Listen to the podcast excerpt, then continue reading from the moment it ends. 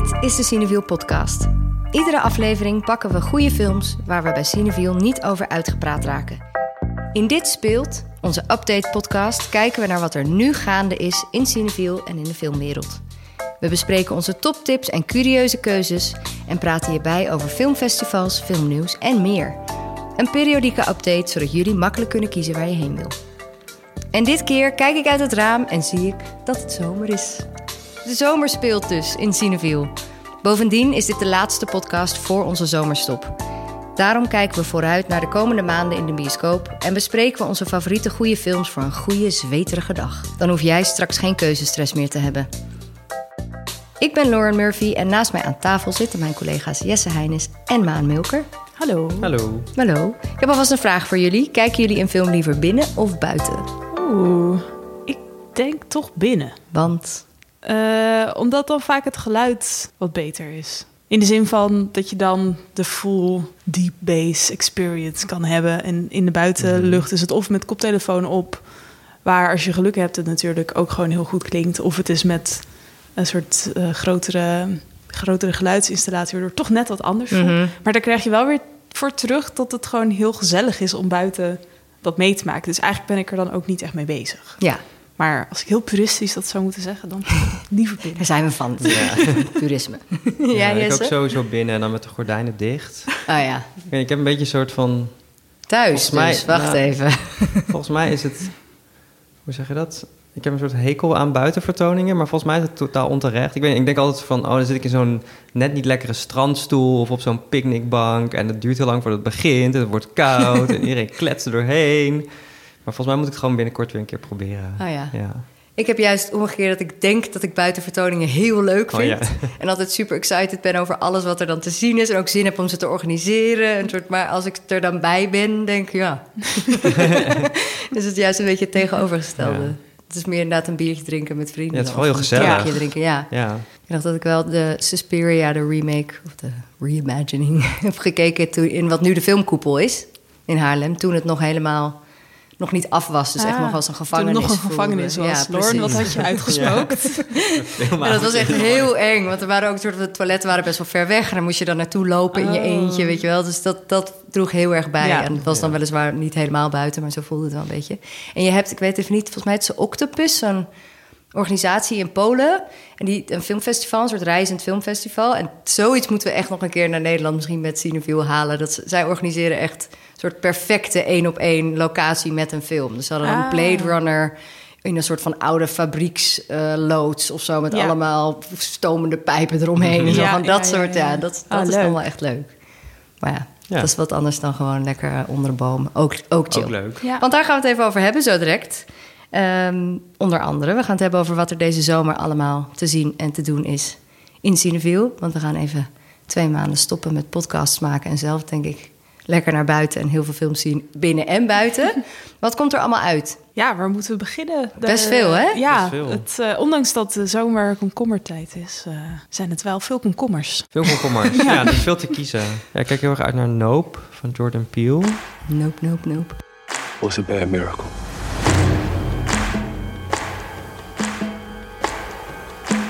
They got word for that. En ja, je wil ook zo, zoveel waarvan je niet wil weten waar het over gaat eigenlijk.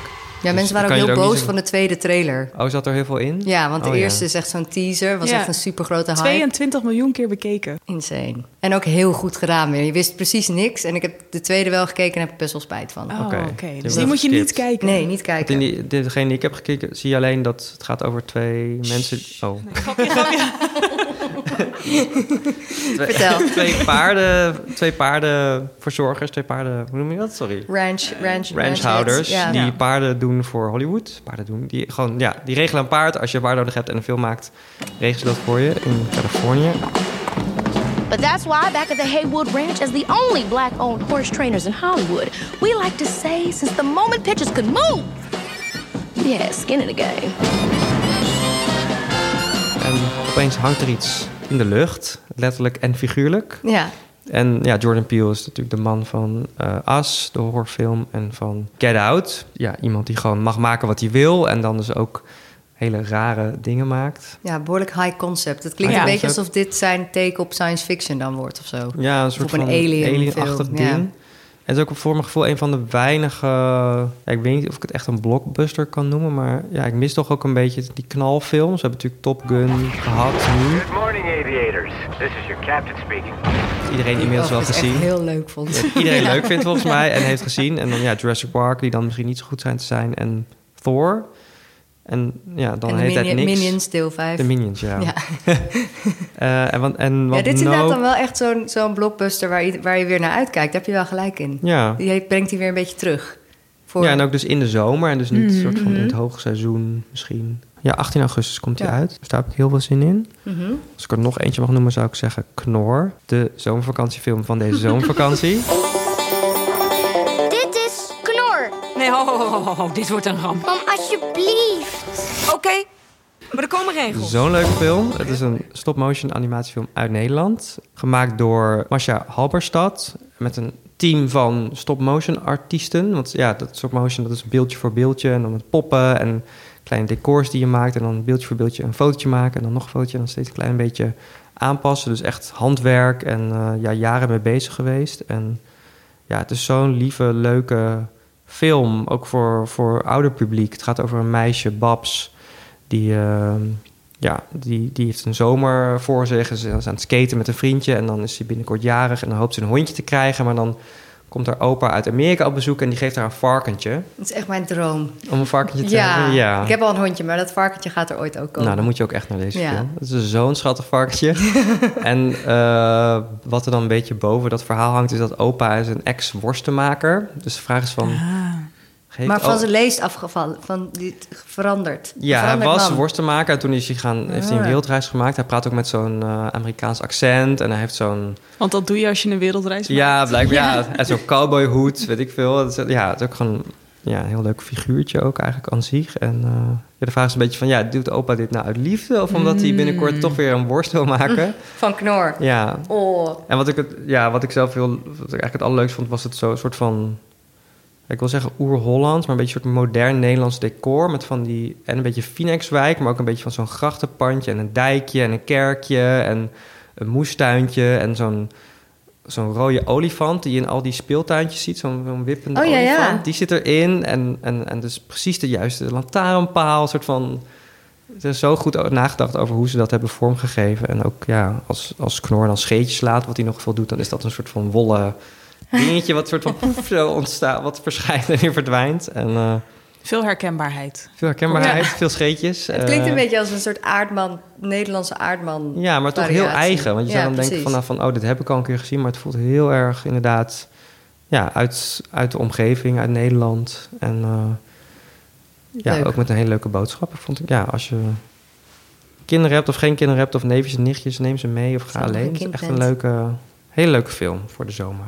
En heb jij een film waar je heel erg naar uitkijkt, Maan? Ja, ik vind het moeilijk om, om één film te noemen. Juist omdat er best wel veel films in het lijstje staan... waar ik gewoon best wel veel zin in heb. Maar ik denk toch als ik één eruit moet lichten... dan ehm, ga ik voor Bodies, Bodies, Bodies van Halina Rijn. Who wants to play bodies, bodies, bodies? Does anybody have service? Yeah. Guys, I get so stressed out every time we play this. Someone always ends up crying. So how do you play? Nou ja, wat ik daar leuk aan vind is dat hè, als Nederland, kikkerlandje, zijn we altijd van nee, Nederlandse films, eh, slecht, weet ik veel wat. En kijken we heel erg naar de ander daarin. En oh, daar kunnen ze het wel. Of oh, zo groot als Hollywood zullen we nooit worden of wat dan ook. Tenzij je Paul Verhoeven bent. Ja, precies. dan 30 jaar inderdaad er nog steeds... Ja, precies. Maar wat ik gewoon zo vet vind, dat Halina Rijn gewoon bij haar tweede film dacht... Weet je wat? Ik ga er gewoon voor. ik, heb, ik laat gewoon klein Nederland achter me. Ik ga, naar, eh, ik ga naar de VS. Ik maak daar gewoon een super grote productie met echt allemaal... Superhippe mensen. Supersterren, zeg maar, onder een generatie die... Nou ja, niet per se de generatie van Halina Rijn is, om het zo te zeggen. Nou ja, wat eruit komt, zeg maar, de YouTube-comments onder de trailer... gewoon alleen maar positief. Want hij draaide op South by Southwest al, toch? Of niet? Of Sundance? Hij heeft in ieder geval ergens al gedraaid. Hij schijnt echt heel goed te zijn. Maar ik weet het even niet inderdaad. Maar inderdaad, hij, hij schijnt heel goed te zijn. Pete Davidson, Amanda Stenberg, weet je, wel, er zitten echt superveel mensen in. En het is een, een eh, slasher. Yes. Soort van. Dat weet ik niet helemaal zeker of het daadwerkelijk een slasher slasher is. Volgens maar mij wel, want het in is ieder een geval. groep influencers in een huis die één voor één. Dat klinkt wel, geslashed. voor, ja. Misschien. Dat hè? is de We houden het in het ja. midden. We Ja. weten het niet. Ja. Ehm, en nou ja, de trailer is al een aaneenreiging van allemaal uitspraken die iedere eh, Gen Z'er of hè, de generatie die net iets ouder is, maar die dat ook allemaal meekrijgt. Met, met dingen als You're gaslighting me. You fucking trigger me. You are so toxic. Relax, relax. You're silent. Ja. zo chill gedaan. Ja, ik heb er gewoon echt heel erg veel zin in. Ik, ik las ook een comment van... eh, ik gun het iedere generatie om zijn eigen soort van classic horrorfilm te Ja. hebben. En dat dit wel een contender is daarvoor. Voor... Voor de ultieme Gen Z slasher, Ja, eigenlijk. ja. Wat, wat is dan zit te denken wat na Scream dan of zo, de, die, die, voor, die daarna was? Weet ik eigenlijk niet. Eh, hoeveel screams zijn er? Ja, daarna was er natuurlijk afgelopen zomer ook nog, afgelopen maanden ook nog eentje. Maar dat voelt wel als een soort de millennial slasher of zo dan eigenlijk. Zo beg- wat mid jaren 90, begin jaren 90. En zou het dan heel soort van Gen Z-achtig zijn om dan een Europese vrouw te vragen om dit dan te maken in Amerika of Want zo? ze heeft het Van- niet geschreven. Nee. Dat vond ik wel een beetje jammer. Dat als je dus inderdaad door de comments scrolt... Wordt, het, wordt zij niet echt een soort van ontvangen als de auteur Nee. of zo. Weet je wel? Het is gewoon, oh, de regisseur heeft bababababa. In plaats van dat iedereen altijd haar naam erbij noemt. En ik denk dat dat wel... Ik denk dus niet dat eh A24 het productie, eh, die productie doet en distributie... dat die daar niet per se heel erg op inzet. Nee. Dus het is niet inderdaad zoals bij Jordan Peele... net zoals bij Nope, dat het echt zo is van Jordan Peele's nee. Weet je wel? Het is hier gewoon bodies, bodies, bodies met Pete Pete Davidson. A24. Ja, maar Jordan Peele heeft ook wel zijn eigen, over zijn eigen productiehuis en zijn eigen manier van distribueren. Een hele dikke vinger in de pap hoe die trailers worden gelanceerd en schrijft het. Dus ik ben gewoon heel benieuwd ook hoe Halina's, hoe Halina Rijns ervaring, bij, wanneer zij erin is gekomen en hoe je Ja. dan zo'n verhaal, wat inderdaad zowel cultureel als generationeel niet, misschien niet jouw verhaal in eerste instantie is, hoe je je dat dan eigen maakt. Ja. Dat schijnt ze dus super goed gedaan te hebben. Ja, maar dat heb je überhaupt. Als je kijkt naar veel coming-of-age films worden met uitzonderingen daar gelaten. Vaak juist niet gemaakt door mensen Door die mensen van zelf... 20. Nee. Ja, dus Nee. dat, dat is op zich niet een nieuw fenomeen. Maar ik ben wel inderdaad heel erg benieuwd... eh, nou ja, of je het misschien ook wel kan terugzien... dat zij uit een andere filmtraditie komt dan puur de Amerikaanse. Ja, en puur de genre-traditie. Ja, Want Instinct ja. was natuurlijk wel een thriller, maar hij is heel anders dan dit ook Ja, weer. Het is Zeker. echt heel leuk dat ze deze kant op, eh, in ieder geval nu deze kant op is gegaan. Ja. En ik ben ook heel benieuwd wat er hierna allemaal komt... en wat Mhm. het allemaal weer in gang zet. En of het ook echt een hele goede film is. Daar ben ik heel erg... Dat kijk naar uit. Wanneer, gaat, wanneer komt hij uit? Eh, 25 augustus. Ah, ja, dus kunnen we in september alweer over bijpraten. Ja. Ja. We hebben nog andere dingen op het lijstje staan waar eh, die mensen echt niet kunnen missen. Ja, ik zou eh, Asako 1 plus 2 nog willen tippen. Dat is de derde film van Ryosuke Hamaguchi die we dit jaar in Cineville te zien krijgen. De regisseur van Drive My Car. Die heeft ook eh, van vorige maand, volgens mij twee geleden, kwam ook nog Wheel of Fortune and Fantasy uit. En de distributeur van beide films had ook nog deze film op de plank liggen uit 2018. Ryohei no koto suki ya de. たらいいかわからんぐらい好きになってしまった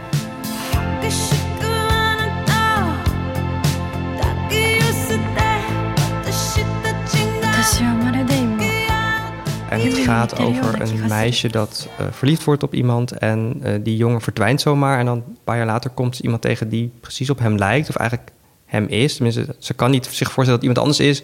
Ja, een heel mooi tweeluik. eh mooie Japanse film. Dus uit 2018. Maar nog steeds echt zeker de moeite waard. En Fire of Love ben ik ook heel benieuwd naar.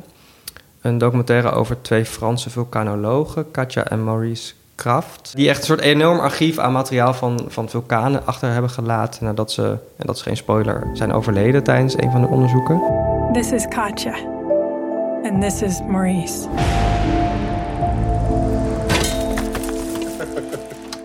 Tomorrow will be their last day. They will leave behind hundreds of hours of footage, thousands of photos, and a million questions. Ja, het is, een, het is een documentaire van Sarah Doza. En zij heeft dus dat archiefmateriaal gebruikt. En zij heeft Miranda July, de filmmaker en kunstenaar, gevraagd om daar een soort van mooie voice-over bij te doen. Dus uh, ja, ik verwacht gewoon hele epische beelden van vulkanen en een soort van tragisch liefdesverhaal over twee gepassioneerde mensen die ja, dus uh, sterven op, in het werkveld en dan uh, Miranda July erbij. Volgens mij wordt dat een hele... Ja, daar kunnen we alvast naar uitkijken. Ja.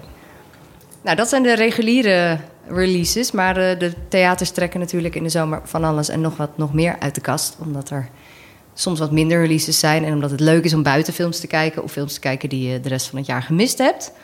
Um, we hebben bijvoorbeeld ook weer Previously Unreleased dit jaar. Daar hebben wij al best wel een aantal films van gezien. Uh, dat is wat AI ieder jaar doet. Volgens mij hebben we het vorig jaar ook besproken. Dus dat ze eigenlijk festivalfavorieten van over de hele wereld alsnog aankopen. Ja. En dat zijn vaak de films waarvan je dan denkt... hè, hè, hè, die wilde ik nog heel graag zien. Zoals dit jaar heb je dan de Souvenir 2 van Joanna Hoog. Vorig jaar was het de Souvenir 1. Daar zit je dan echt op je klokje te kijken van... wanneer komt die nou eindelijk? Um, maar dit jaar hebben ze, hebben ze ook nog uh, bijvoorbeeld een Poolse animatiefilm... Kill It and Leave This Town. Overigens een hele goede film voor als het buiten heel warm is... want het is echt een hele afkoelende, rare, ja. distant, uh, vervreemdende film. Ook de film Mass van uh, Fran Kranz over een, um, een schoolshooting. Ja, super actueel. Uh... Super actueel onderwerp. Um, je hebt de film Dwelling in the Fujian Mountains. Die heb jij gezien, Maan? Ja, kan je daar iets mooi. over vertellen? Ja, dat is wel een bijzonder verhaal. Want de regisseur Gu Xiaogang... die heeft eigenlijk helemaal geen achtergrond in film... anders dan dat hij uh, kostuumontwerp heeft gestudeerd. Maar niet per se gericht op film. Hij heeft ja, eigenlijk als een soort project... wat hij helemaal zelf heeft opgezet... is hij de provincie ingetrokken... Um, Hangzhou en is hij daar ja, met allemaal mensen een verhaal gaan maken met, met niet-professionele acteurs.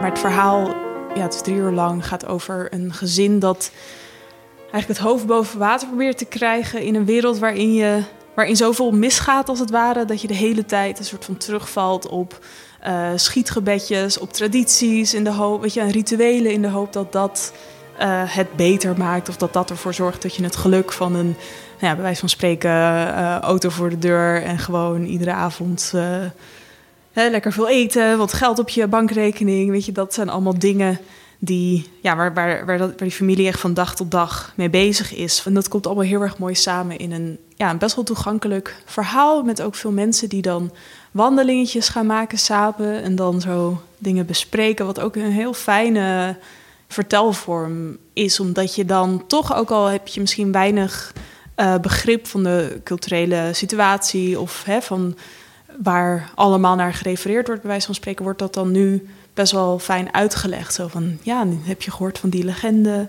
Of ja, het doet me denken aan de geschiedenis van die en die. Nou ja, dan wordt dat ook heel mooi uitgelegd. En ja, vond ik heel fijn.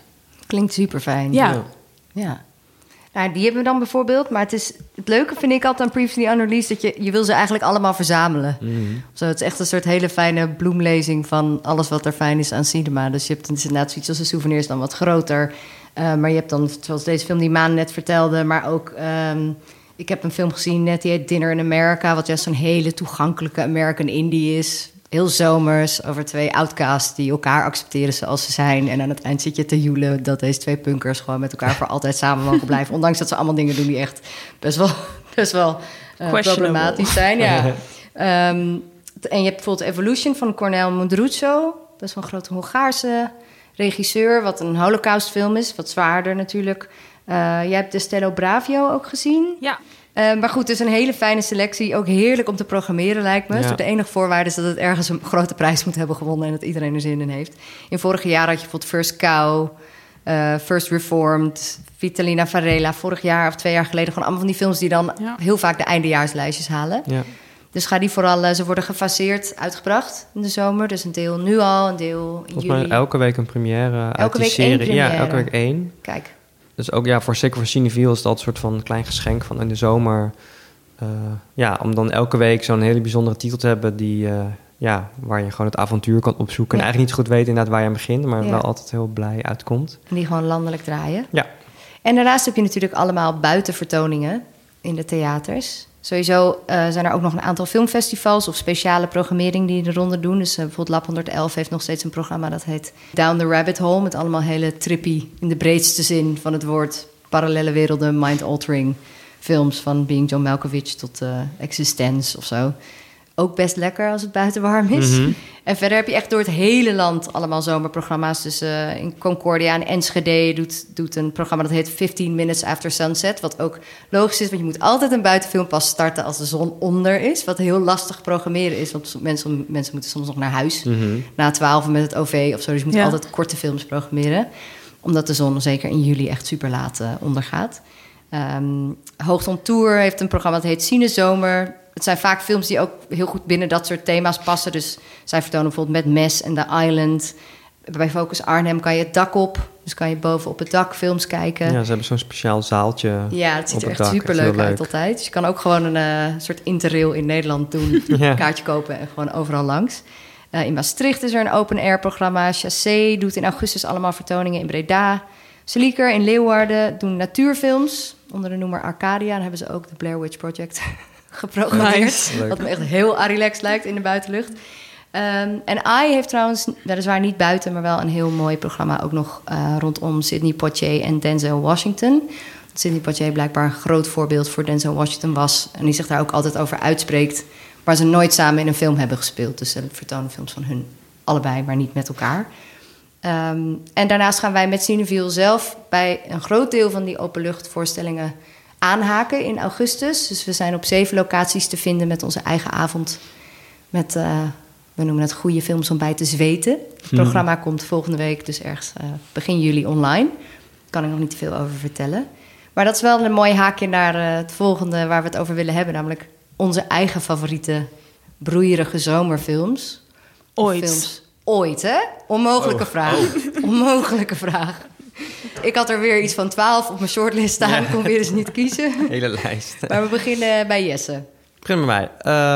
Wat is voor jou ultieme zomerfilm? Voor mij is dat Swimming Pool van eh, François Ozon uit 2002. Is ook zo'n film die altijd voorbij komt op eh openluchtvoorstellingen. Als je het hebt over zomerfilms of films waarbij te zweten, films met een zwembad, films met mensen in bikini. Dat is, eh, kom je altijd bij Swimming Pool uit. Ja, met die iconische foto's. Of dat- die stil sowieso, toch? Ja, van, Van Ludivine eh, Ja. eh, aan het zwembad.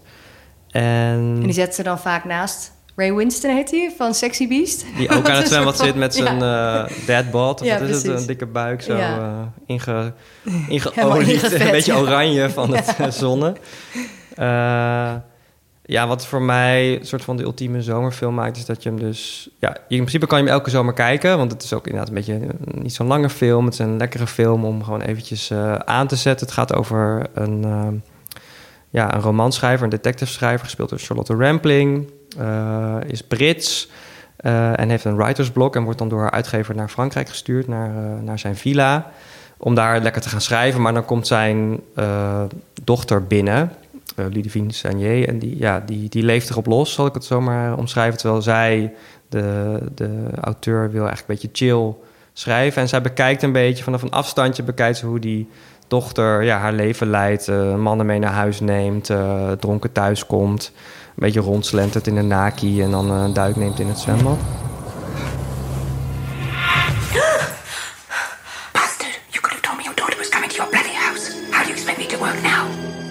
So your daddy's latest conquest. If you don't mind, I do have work to do. Okay, I leave you alone, you small fool. Het is opgenomen in ehm Vaucluse, een gebied waar ik vroeger vaak op vakantie ging met mijn ouders, eh, kamperen. Eh Mont Ventoux zit er in de buurt, eh, Avignon. Ja, dus voor de omgeving daar voelt voor mij al heel erg als zomer en vakantie. Je hebt die krekels die je hoort, het is mooi weer, het is Frans. eh, het, is- ja, het is volgens mij wel, is wel laag seizoen. Op een gegeven moment zit ze op een terrasje en is ongeveer de enige. Maar voor mij, ja, als ik die krekels hoor en die, dat, om, die omgeving zie, dan is het voor mij heel erg zomer. En eh, wat het ook heel erg een beetje zomers maakt, is dat het een beetje een soort van Agatha Christie-achtig detective verhaal ook in zit. Eh, op een gegeven moment wordt er ook een moord gepleegd. En, eh, dus het heeft ook een beetje dat van, oh, ik, ik lees een paperback op mijn strandstoel aan het zwembad. Ja. Eh, dus er komen heel veel dingen voor mij samen die, ja, die die film voor mij echt de ultieme zomerfilm maken. Ik denk dat, dat ik hem binnenkort eh, even opzet. Hij draait Hij- misschien wel in een van de ja, zomerprogramma's. volgens mij niet, helaas. Hmm. Voor Heeft de thuis. wijn dan nog, toch nog weer Ja. geschuiven. Ja. En jij, Maan? Eh, ja, ik, eh, ik vind het natuurlijk weer een ontzettend moeilijke vraag. Want er zijn zoveel films die je dat zomerse gevoel kunnen geven. Ik had het laatst nog, eh, toen we voor deze podcast in het werk van eh Apichatpong weer zitten koen doken. En ik al die films keek in het Thaise tropische woud. Dat ik echt zo was van, oh my god, zo warm. Ja. Zo, wel, dat, Eh, maar voor nu heb ik gekozen voor iets dichter bij huis. Le Rayon Vert van eh Eric Romer. En dat is een film uit 1986.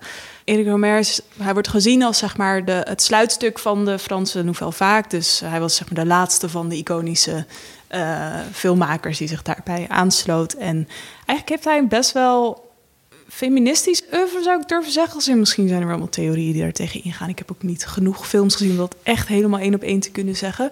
Maar eh, ja, Le Rayon Vert gaat in ieder geval over een eh, vrouw die alleen op vakantie gaat, basically. En dat is ongewenst, dat ze alleen... En ongehoord. Ja. En ongehoord inderdaad, maar haar vriendin die laat haar zitten voor een minnaar. Eh die zegt van, nou, kan- kunnen we jouw ticket niet aan hem geven? Vind je dat erg, weet je wel? Ja hoor. Helemaal vervelend. En dan gaat ze maar in haar eentje naar de Alpen vanuit Parijs. Ehm, maar dan komt ze daar allemaal toeristen tegen. En dan denkt ze, hell no, ik heb hier echt geen zin in, al die toeristen. Dus dan trekt ze naar het strand. En eh, nou ja, daar ontmoet ze dan een vrouw die in haar eentje op vakantie is. Alleen die houdt zich weer de hele tijd bezig met mannen versieren. En daar heeft ze al helemaal geen zin in. Dus eigenlijk in iedere situatie waar ze aankomt... loopt ze er tegenaan dat vakantie, maar ook veel anders in het leven erop ingericht is... dat je met iemand anders daarheen gaat. Dus hè, ze kan geen tafeltje krijgen eh, waar ze in haar eentje aan kan zitten. Dat is op zo het strand. herkenbaar. Toch, het is echt onmogelijk om in je eentje echt alleen te zijn soms op reis. Ja, en op het strand gaat iedereen ervan uit dat als ze daar in een mooie bikini ligt, dat ze dat doet om mannen te versieren, weet Mhm. je wel. Terwijl ze gewoon zoiets heeft, ja, maar ik ben hier gewoon voor mezelf. En Laat dat, me met rust. precies, en dat vind ik wel heel mooi overgebracht in de film. Tu sais ce que c'est le rayon vert Non C'est quoi En sowieso heeft Eric Romer heeft vaak gelaagde weergaven van vrouwen in zijn films, wat voor Franse regisseurs uit die tijd niet altijd een gegeven is. Dus dat, ja, daarin past dit heel erg goed. En dit, dit wordt ook gezien als een van zijn beste films. Het vond de Gouden Leeuw in Venetië. En wat ik wel grappig vond, dat de film is eh, geïnspireerd, of hij vond daarvoor inspiratie in televisie-interviews en eh, zeg maar dat fenomeen. Dus het idee van dat mensen eh, op tv met een camera op zich gericht, toch volgens hem dan een soort rust vonden om zich, eh, wat hij noemt, natuurlijk te gedragen. Dus het is alsof de mens in televisie-interviews opeens wel zich niet bewust kan zijn van, ehm, ja, van de camera's en zo. En hij dacht van hoe breng ik dat nou over in film, waar alles juist best wel vaak heel erg volgens een script gaat. En eh, nou ja, daarvoor werkte hij samen met de hoofdrolspeler eh, Marie Rivière. En hij heeft heel vaak met haar samengewerkt. En wat leuk is dat zij zag een film van hem en toen heeft ze hem een brief geschreven van hey, ik vind je films echt superleuk, mag ik er een keer in spelen? En toen mocht dat en sindsdien speelde ze echt in bijna al zijn films. Ah. Wat erg leuk is. Dream Eh, big. Ja, Alles het werkt kan. gewoon. Ja. maar het is dus grotendeels geïmproviseerd en dus ook ja, vanuit haar ervaringen. Weet je wel, dat zij was de, echt de interviewer eigenlijk ook die haar tegenspelers vragen stelde over dingen die te maken hebben met alleen op vakantie gaan, maar ook breder dan dat. En eh Le Rayon Vert slaat op de, ja, de, de groene lichtstraal die je kan zien op het moment dat de zon ondergaat. Dus vlak voordat de zon echt helemaal een kopje onder is gegaan, dan zie je, als je net in een goede hoek op, weet je wel, de horizon ziet, bla, kan je dat precies zien. En dat is wel ook een grappig detail, dat de film is best wel low budget gemaakt, behalve één reis naar de Canarische eilanden met de hele crew, om dus die Om dat shot. milliseconden van groene, de gro- groene lichtstraal op te nemen. Maar die zit dus wel in de film, dus dat is wel Ah, echt te mooi. gek. ik zit te Eh, denken of ik, die ooit heb, of, of ik die ooit Ik heb gezien. nou. Het is echt een milliseconde, gekeken, ja. zeg maar. En dan is het e- heel even groen. Ah. En dat, dat is echt het magische Ja. moment. En eh, ze zeggen ook van alle gedachten die je op dat moment hebt, Dus alle soort van negatieve gedachten, daar ben je als je de groene lichtstraal ziet, ben je daarvan verlost. Oh, gereinigd. Mooi. Oh, wat mooi. Ik krijg er helemaal kipvel van.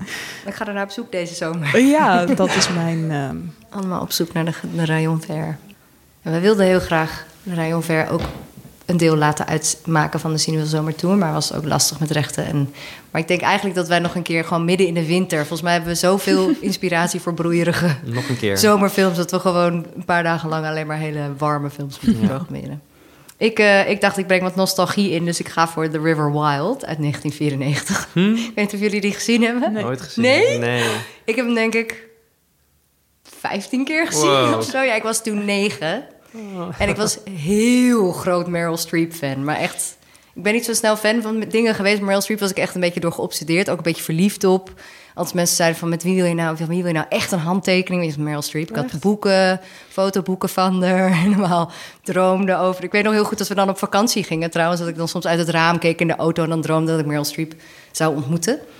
Ja, En waar, dat is echt waar een is dat obsessie. begonnen dan? Welke... Nou, ik denk dus of met deze film of met Death Becomes Her uit Oké, 1992. Maar ik was in die tijd, ik had best wel, ik, mijn longen deden moeilijk, dus ik was veel thuis. En hadden we Mhm. één videotheekje eh, bij ons om de hoek. En daar huurde ik, daar, ging je op de hoezen af. En Death Becomes Her had een hele gekke hoes.